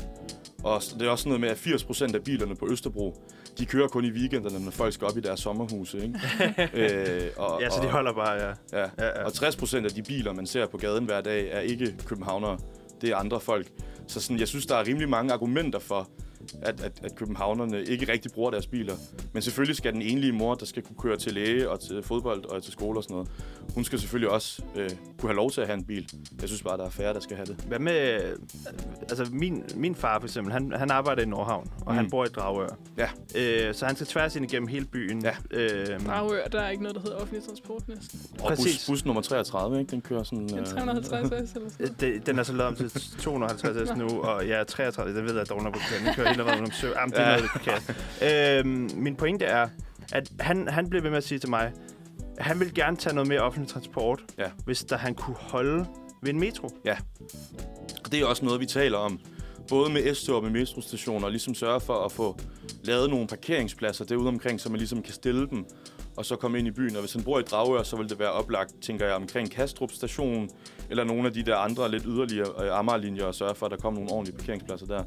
Øh, det er selvfølgelig ikke i Ja, København det er selvfølgelig Kommune. Tornby Kommune, men... Tornby Kommune, ikke? men- Men, men, men ja. sådan noget skal man helt sikkert tænke i. Øh, vi er desværre bare ikke så gode til at tale med omegnskommunerne. Øh, Nej. der er ikke så meget kommunikation, der sådan går på tværs. Og det er, jo, det er jo det, metroen ellers lige præcis ligger op til på en eller anden måde. ikke? ja. Cool. Jamen, jeg tror måske, vi skal til at sige tusind tak for besøget til Mads. Vi er meget glade for, at du havde tid til at komme forbi. På Jamen, jeg har fået svar på så mange spørgsmål. Ja, ja. Tak fordi jeg måtte komme. det har været sindssygt spændende Det er jeg glad for. at høre. Det har været en fornøjelse at være med. Det er godt at høre. Hvad skal vi høre af musik nu? Vi skal høre noget Arctic Monkeys, kan jeg se. Så øh, sæt den i gang i det. Velkommen. Til Uniradio. Husk, at du kan finde masser af Uniradions programmer på iTunes. Eller der, hvor du henter dine podcasts. Uniradio Det bedste, du har hørt siden 1986. Velkommen tilbage. Vi har lige haft besøg af Mads, men dermed ikke sagt, at vi er færdige med at snakke om kommunalvalg. Fordi nu skal vi snakke lidt om øh, alt for damernes kandidattest. Der er jo alle mulige kandidattest, man kan, have, eller kan tage, hvis man ikke øh, er helt sikker på, hvem man lige skal stemme på. Og det er der mange danskere, der er i tvivl om. Jeg tror, det er en halv million danskere, der bestemmer, beslutter sig på valgdagen. Ja, ja. Jeg, ment, eller jeg tror, det var faktisk ja, det var sådan noget 600.000. Eller, Ja. ja. Og det er vist noget med, at det stiger, fordi at, at eller sådan, jeg tror, at der var en anden kultur engang, at så stemte man Socialdemokratiet hele livet, eller også stemte man Ja. ja. Venstre hele livet. Mm. Ja, kernevælgergruppen præcis. er lidt flyttet ud. Præcis, og det er også det, der gør, at, at alle partiernes øh, sådan medlemstal falder, fordi mm. måske, altså, folk har ikke lyst til at committe sig Nej. hele livet til et parti. Måske også meget i, for, i, i kraft af det, vi snakkede om før, med at der kommer flere sådan øh, problemdrevne partier, altså ja. enkeltsagspartier. Ja, ja, ja. Og det er også noget, som, det, som jeg har lært i hvert fald, at folk de stemmer mere efter sag, sag til sag. Altså, så har det været klimavalg, så stemmer man måske. Altså sådan, det er ikke, man er ikke så bundet til et parti mere. Men det var slet ikke det, vi skulle snakke om. Nej. Jamen, vi kan blive ved. Vi skulle snakke om alt for damernes test, som Ja. du sagde, som jo har lavet en, øh, nogen vil måske sige en lidt kontroversiel test, fordi de kun har kvindelige kandidater med. Ja. Og hvad synes vi om det? Vi kan jo starte med dig, Thomas. Jeg synes, det var meget sjov idé. Eller sådan, jeg tror... Øh, jeg tror, jeg synes, det, var, det på en eller anden måde havde været sådan lidt på en eller anden demokratisk grænse, hvis det havde, mm. været, hvis det havde været noget public service medie, der havde stået for det. Ja, den Men- var ikke god. Men, men når det... Altså, alt andet, de laver, er jo også målrettet mm. kvinder, eller sådan. Øh, og så man laver en kandidattest, der på en eller anden øh, måde er målrettet kvinder, synes jeg, på, synes jeg giver god mening. Altså, jeg synes i hvert fald, jeg synes helt klart, at de kan tillade sig det, og jeg synes også, det sætter fokus på øh, en vigtig problematik, faktisk. Mm, ja, det har jeg så mange kommentarer til. Men hvad synes du i det? Jamen nu, øh, jeg, jeg føler mig lidt splittet, fordi på den ene side, så, så vil jeg give Thomas ret. Øh, og det der, altså sådan, det, så får man et overblik over, hvilke kvinder man kan stemme på. Det er super fint. Men på den anden side, så øh, synes jeg måske, at det ville være lige så fint, at der kom alle de kandidater, man ligesom var enige i, og så kunne man selv gå ind og se, hvor er der kvinder, og hvad jeg er enig i med dem, og sådan, hvor meget i forhold til mænd, og så tage stilling til det derfra. Øh, ja, så jeg tror, jeg er, jeg er meget splittet, men jeg kan fornemme på dig, Juline, det er du ikke så meget. Nej, jeg, har, jeg kan virkelig mærke, at jeg har en stærk holdning til det her, for jeg synes virkelig, at, at det er sådan... Det er meget voldsomt måske, men det undertrykker lidt demokratiet på en måde, og jeg synes, at det er sådan helt vanvittigt, at man... Altså, det er jo netop det, som vi har arbejdet mod som sådan en feministisk bevægelse, at man skal undertrykkes på grund af sit køn. Og det synes jeg virkelig, at det de mandlige kandidater bliver her. Hvorfor skal man have mm. altså, det er potentielt et dårligere valg, fordi at du ikke... Altså, så meget reach tror jeg heller ikke, alt hvad damerne har, men i princippet, fordi at du ikke er kommet med på den her liste. Og hvorfor skal en kvinde stemme på... Altså, få vist en kandidat og potentielt stemme efter den, øhm, uden måske at tage aktiv stilling til, at man gør det på en, man er mindre enig med, bare fordi, at den mand, som man måske var mere enig med, ikke er på testen. Jeg synes, det er helt fint, og det er selv nogle overvejelser, jeg har haft, at jeg rigtig gerne vil stemme på en kvinde. Men man skal, jeg synes, at man skal ligesom have præsenteret mm. al information for en, så man aktivt kan stille til, okay, jeg er måske 83% enig med ham her Jens, men jeg er 81% enig med hende her Ellen. Så jeg tænker, at det er vigtigere for mig at vælge en kvinde, så der kommer noget mere lige repræsentation, end det er at vælge Jens, som jeg er 2% mere enig med. Men det skal være folks eget valg, fordi man skal ikke underkende, hvor meget man kan manipulere som medier med folk, og hvad folk stemmer, hvad folk tænker på, hvad de mener. Og det er så sindssygt, at der bliver revet en, en halvdel, ja mere sikkert, en ja, halvdel af kandidaterne ud. Men det er rigtigt nok det der med, at så kan det være, hvis nu du havde taget en, en test på DR eller et eller andet, at så var du 93% enig med Jens, og du var øh, 75 procent enig med, med, med det, eller et eller andet. Men så fordi du kun får præsenteret med det, at, at så kunne dine værdier og dine holdninger faktisk være blevet varetaget væsentligt bedre, hvis du var blevet præsenteret for alle. Ja, jeg ved ikke, jeg, jeg køber den ikke helt på den måde, at det forudsætter, eller både og, det forudsætter jo lidt, at når man så tager den test, at man ikke er klar over, at det kun er kvinder, der er der. Fordi jeg går ud fra, at dem, der tager den test, er fordi de netop har taget det her aktive valg om, at jeg vil kun stemme på en kvinde. Og derfor er det nemmere for mig så at tage den her test, fordi så, kan, så, så er alle mændene så taget fra i forvejen, eller sådan, at, at det, Øh, jeg er med på, at, så, at det kan jo godt være, at man har bestemt sig for at stemme på en kvinde, og så tager man en DR-test, og så kan det være, det gør måske alligevel, fordi alligevel var det måske vigtigere for mig, at, at der var en kandidat, der gik så meget op i den her ene ting. Øh, men jeg tror bare, at hvis man har taget det aktive valg, så er det vel... Så, altså, jeg, jeg tror bare, at dem, der, dem, der tager den her test, er, er i forvejen relativt kritiske og ved, hvad de går ind til. Øh, så, så, det tror jeg ikke. Det, det er faktisk med sådan, også min, en af mine hovedanker, det er, jeg tror, der er rigtig mange øh, af dem, der tager alt for damernes test, er fordi, Nå, det læser de i bladet, eller de tager tit woman quizzes, eller et eller andet. Så ja. det er ikke sådan et, jeg skal absolut stemme på en kvinde, det har jeg besluttet mig for, så derfor så er det nemmere, at de bliver sorteret fra. Jeg tror bare, det er sådan, så kan jeg lige prøve denne ja, her ja, test. Nå, så er den der. Og så, ja. altså, jeg tror bare, det kan godt være, at jeg har lavet, lavet tanker om folk, men det, ja, det er okay.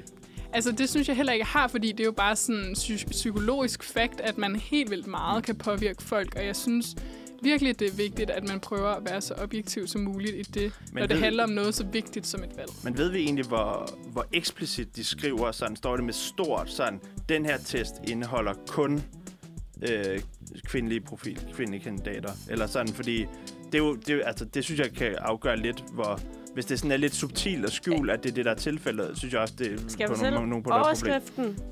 Kend din kvinde, før du stemmer. Tag alt for damernes kandidattest. Det er ligesom overskriften. Ja. Øh, ja. Der synes jeg ikke, Også, det er tydeligt. At... Nej, nej kend din kvinde, men så står der så i...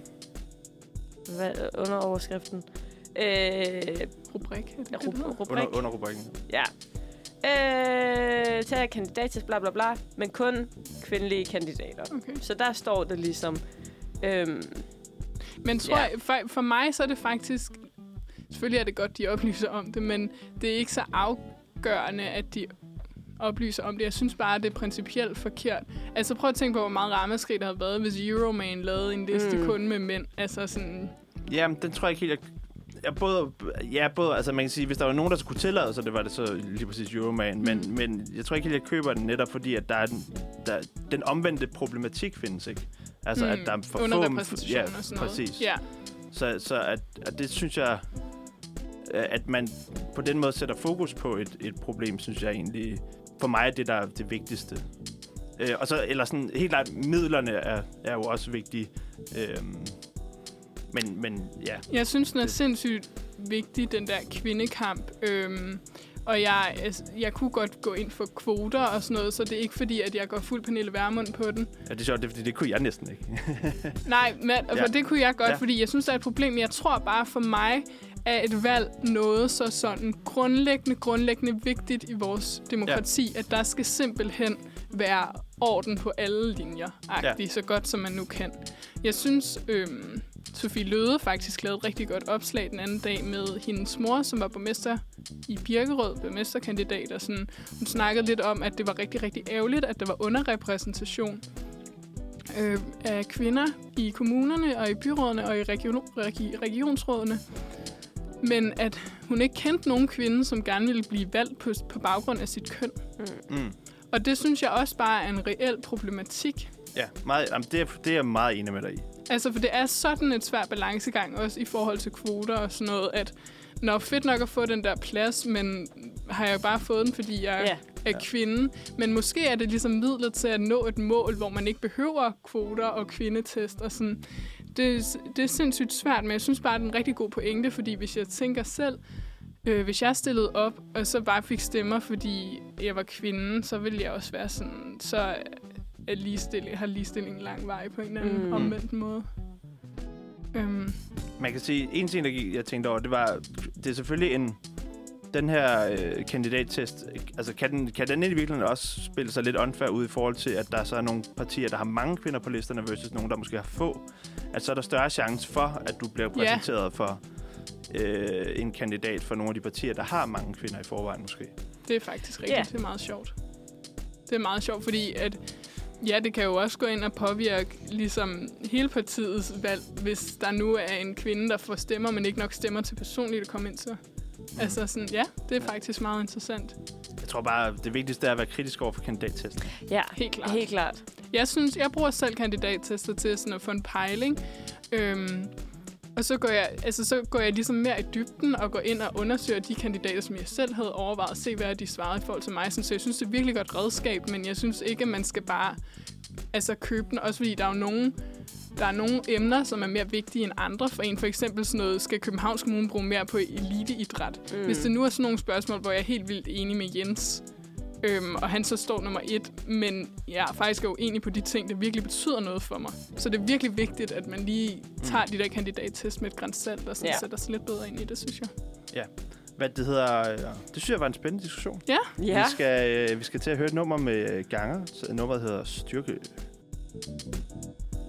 det var et dejligt nummer med, øh, med ganger. Vi snakker kommunalvalgspolitik. Eller, det gør vi ikke. Vi snakker kommunalvalg og regionsråd og regionsrådsvalg. Ej, jeg er forglemme. Og det gør vi. nu skal vi snakke lidt om øh, dobbeltmandat. Mm. Thomas, vil du forklare, hvad det er? Ja, øh, kort sagt, så betyder det, at du er valgt ind to forskellige steder. Det vil sige, enten kan det være, at du er valgt ind i Folketinget og kommunalbestyrelsen, eller du er valgt ind i regionsrådet og Folketinget, eller regionsrådet eller kommunalbestyrelsen. Og måske er der nogen, der også er valgt ind i Europaparlamentet og øh, kommunalbestyrelsen. Eller, det tror jeg faktisk, jeg har Det er set noget af en før. commute time, de Ja, får jeg tror faktisk, jeg har set det før. Ja, jeg synes lidt, det lyder som om, at man kommer til at have helt utroligt travlt, og måske øh, være lidt halvhjertet med i øh, en af delene, eller begge dele. Det er jo ligesom argumentet for, at det er en dårlig idé. Og der er jo nogle partier, som siger, at det vil vi ikke bede om. Og det er enhedslisten, og hvis det også SF. Ja. Jeg tror faktisk, det er helt venstre. Jeg tror også, det er helt venstrefløjen. Ret sikker på, at der er nogle enkelte fra Socialdemokratiet, der vist har fået lov en gang imellem i meget krise, eller kritiske situationer. Men jeg er ret sikker på, at Poul Nyrup faktisk... Øh, der er ret en kendt interview med ham, hvor han sådan virkelig slog ned på, at jeg synes, det var problematisk. Radikale må jo godt. Ja, Men det er heller ikke den ægte venstre. det synes jeg heller ikke, Socialdemokratiet er. Men det er en anden Nej, snak. det er også rigtigt. Det vil jeg gerne give det ret i, faktisk. Ja, om der er jo nogle, øh, nogle kendte typer, som er det. Kan nævne i flæng Jan E., mm. som sidder byrådet øh, på Frederiksberg og er folketing, folke, folketingsmedlem fra Venstre. Et ret kendt folketingsmedlem fra Venstre, tror jeg også, at man godt kan sige. Øhm, han stiller jo også op som øh, borgmesterkandidat nu her på Frederiksberg. Det vil jeg ønske ham held og lykke med, men... Øhm, Venstre er ikke særlig stor på Nej. Frederiksberg. det er det. Så har vi også Lislot Blix fra Dansk Folkeparti, der sidder både i Greve Byråd og som bekendt i Folketinget, som jeg tror stadig hun er sundhedsordfører for DF. Og vi har Martin Gertsen, som både sidder i Region Hovedstaden og i Folketinget som Venstres sundhedsordfører. Så der er og sikkert mange flere end det, jeg har set. Stinus, mm. et eller andet efternavn. Stenus Lindgren, ja. Ja, for Radikale. Han stiller op også på Frederiksberg, tror jeg det er. Nej, han stiller op til regionerne. Nå, regionerne, okay. Og er øhm, også medlem af Folketinget.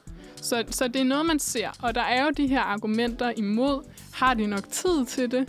Men man kan sige, jeg ved faktisk ikke, og det er måske lidt dårligt, hvordan det er i Københavns Byråd. Men i byråd i øvrigt, i øhm, lad os sige Kolding eller Tønder, sådan, der er det jo ikke et fuldtidsjob at være byrådsmedlem. Der har man jo et job, og så Mm. går man til byrådsmøde et, en gang om ugen, eller hvad ved jeg. Øhm, så, så på den måde, så skal man jo også lige tage det med et græns salt. Ja, helt klart. Det er men, altså byrådet er indrettet til, medmindre du er borgmester, at du har arbejdet ved siden af. Man får øh, omkring sådan noget, altså under, under en, en, dagpengesats, en dimitent dagpengesats i, i løn øh, ved. Mm. at sidde i, i byrådet. Øhm, og så får man, så får man lidt, nogle, nogle, lidt ekstra, hvis man er i nogle forskellige udvalg og sådan noget, fordi det også tager tid.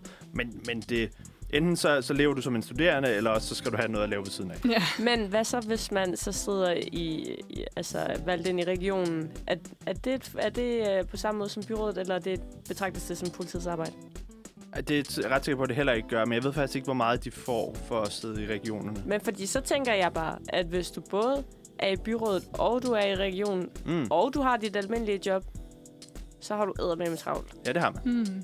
Men jeg tror også, det ved jeg faktisk ikke, men det er min opfattelse, at det er de færreste, der har den konstellation med region øh, kommunal. Det er Okay, mere Folketinget, Folketinget. og så en af de to. Men, men det ændrer jo ikke på, at du stadigvæk har super travlt, tænker jeg. Nej, nej, det er lidt mærkeligt at høre, når, når politikere øh, altså, vildt snakker om, at de har en 70 timers arbejdsuge, og så også samtidig sidder i, i, i et byråd Ja. eller sådan. Jeg tror, at nu, der er jo der er også ret stor forskel på politikere i forhold til, øh, hvad det er for nogle ordførerskaber, ja. De har, og hvor, hvor mange... Øh, altså, hvis man er et stort parti, som Socialdemokratiet eller Venstre, og man har et af de der et ordførerskab eller to, og det er sådan nogle små nogen, hvor man ikke bliver kontaktet af journalister øh, hver dag og sådan noget, Hmm. mm. altså har man væsentligt mere tid og overskud, end hvis man øh, er finans- eller for tiden sundhedsordfører eller sådan noget andet. Helt klart. Men der, altså, der er jo møde, mødedage fra tirsdag til torsdag i Folketinget. Men mandag og fredag er jo faktisk også frit, så der er jo mange folketingsmedlemmer, der for eksempel bor i Vestjylland eller et eller andet, så de ligesom også kan være i deres Mm. kreds, fordi de er jo også valgt i en kreds.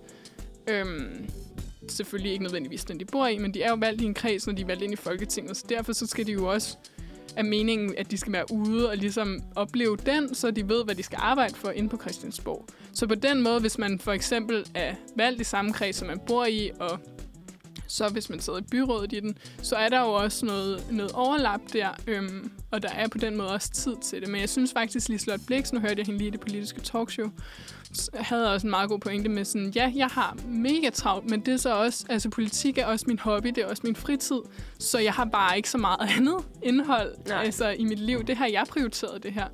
Øh, og det synes jeg også er en god pointe. Ja, altså, jeg så også det, det, det talkshow, og der kom de også med en pointe, som jeg faktisk personligt rigtig godt kan genkende, nemlig det, at du får øh, kendskab til nogle ting, der gør dit arbejde det andet sted bedre. Altså sådan, der er en synergi Ja. imellem det at sidde forskellige ting. Det, det kender jeg selv fra, at, at jeg også sådan i, i mit politiske arbejde har siddet i forskellige organisationer, i forskellige udvalg og sådan noget, hvor det er rart at vide, at det, at når vi har diskuteret det her her, det kan jeg tage med det her andet mm. sted, fordi det er relevant og sådan noget.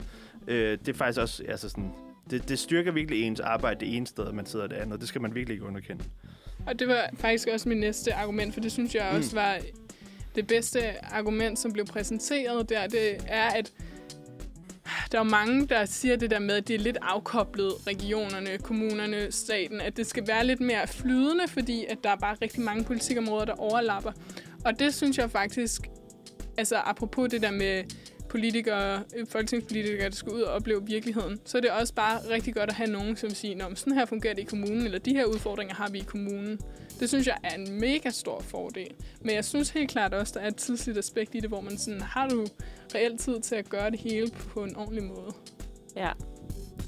Pros and cons. Jeg synes, der er også et, demokratisk aspekt i forhold til, øhm, når Lise Lotte Blik sidder i Folketinget, og hvis man skal vedtage noget, som for eksempel kunne være en fordel for Greve Kommune, Mm. er hun så sådan lidt inhabil? Eller sådan, Mm. er, det, er det problematisk, at hun har...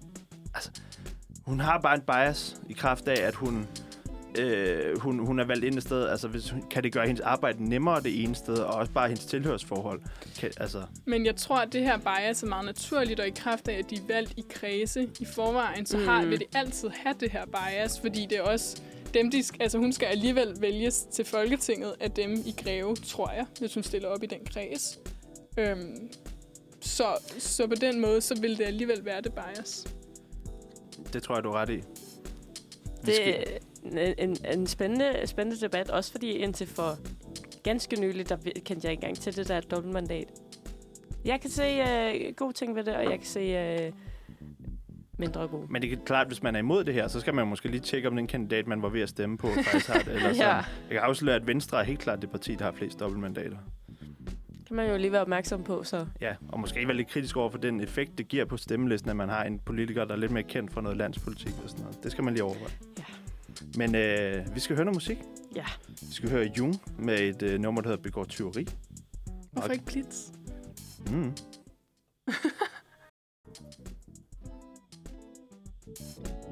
Så er vi tilbage igen. Og vi er nået vejs ende. Hvis, ja, sidste... jeg synes virkelig, at tiden er f- fløjet afsted. Mm. Det har Sådan er det, når man snakker om valg. Ja, det, det må jo være det. Det har vi, vi er, jeg synes, vi har lært meget i dag. Det føler jeg i hvert fald, at jeg har. Det var spændende at have, have Mads på Det besøg. var sindssygt spændende at høre om det hele bag. Ja. ja. Mega, mega fedt. Og så er man jo bare kommet i godt valghumør. Altså, ja. jeg stod jo og blev helt rørt nede i stemmeboksen i morges, fordi at jeg bare synes, at det, vi er mega heldige, og det er mega fedt, og vi er mega privilegerede, og vi skal ikke tage for givet, at vi får lov til at bestemme, hvem der skal stemme i det her land. Og der var bare så meget sådan god stemning på Dronning Louises bro med folk, der stod Mm. med Du- musik. Du og burde stå på en ølkasse lige nu og sådan rigtig... Ja. ja. Ej, jeg synes bare, jeg bliver virkelig bare i godt humør af sådan en her dag, fordi det er bare mega grineren og, og sejt. Og mega sejt, at vi fik lov til at snakke med en, en kandidat også. ja. jeg. Mm. Og, og få lidt at vide om sådan de mere øh, lavpraktiske ting. Mm. Mhm. Noget, man ikke får indblik i normalt. Jeg synes, vi skal, øh, hvad det hedder, i dag, så, så der, der er jo tre sådan, for mig, altså interessante ting, vi har snakket om, der kommer til at ske i kommunalvalget, hvor at det er sådan lidt 50-50. Øhm, som, hvor jeg synes, vi skal hver give vores take på, hvad, hvad vi tror, der kommer til at ske. Et, bliver enhedslisten størst i København? To, taber konservativ Frederiksberg? Tre, hvem vinder i Kolding? Okay, du starter. Okay, jeg tror, at enhedslisten bliver størst. Frederiksberg, de, øh, øh, de, de bliver røde. Og øh, at, øh, at Venstre nok øh, stadig får borgmesterposten i Kolding. Jeg tror, Eva Kjær, hun bliver borgmester. Så tror jeg, at øh, der kommer til at, at sk- ske nogle øh, lidt af hvert på Frederiksberg. Så tror jeg, at konservativ ender med at, blive siddende. Og så tror jeg, at enhedslisten bliver størst i København, men Sofie Hestorp bliver borgmester. Overborgmester, undskyld. Jeg tror, som du siger, Oline, med øh, enhedslisten øh, bliver størst. Dermed ikke, at de, bliver, øh, at de får overborgmesterposten. Det er der åbenbart ikke nogen, der skal bede om. Nej, det er virkelig... øh, og så jeg tror og håber på øh, lidt forandring på Frederiksberg. Det vil øh, måske klæde den. Det tror jeg, alle har godt af en gang imellem. Og så det er... en gang imellem, også efter 112 år. Øh, Ja, ja jeg, tæ- jeg tænker det på tide. Og så er det nok mere et, øh, et, et, håb, end, end noget, jeg er overbevist om. Men det kunne jo være fedt, hvis mm. Søvndal, han... Øh, det, det gad jeg godt se. Ja. Ja. Ja, jeg gad også godt se det. Jeg tror bare ikke på Jamen, det. Jeg har været i Kolding, Men, øh, og de kommer ikke til at stemme vilje, tror Men jeg. man, man, har lov til, man har lov til at håbe og drømme. Så det er Ja, det, jeg det gør. man.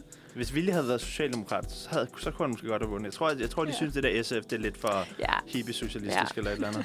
det kan, de, øh, det kan de meget vel have ret i. nu må vi se. Nu må vi se. Ja. I hvert fald, så skal I alle sammen håbe at have en rigtig dejlig valgdag, og husk at stemme, og husk at stemme ungt, Mm.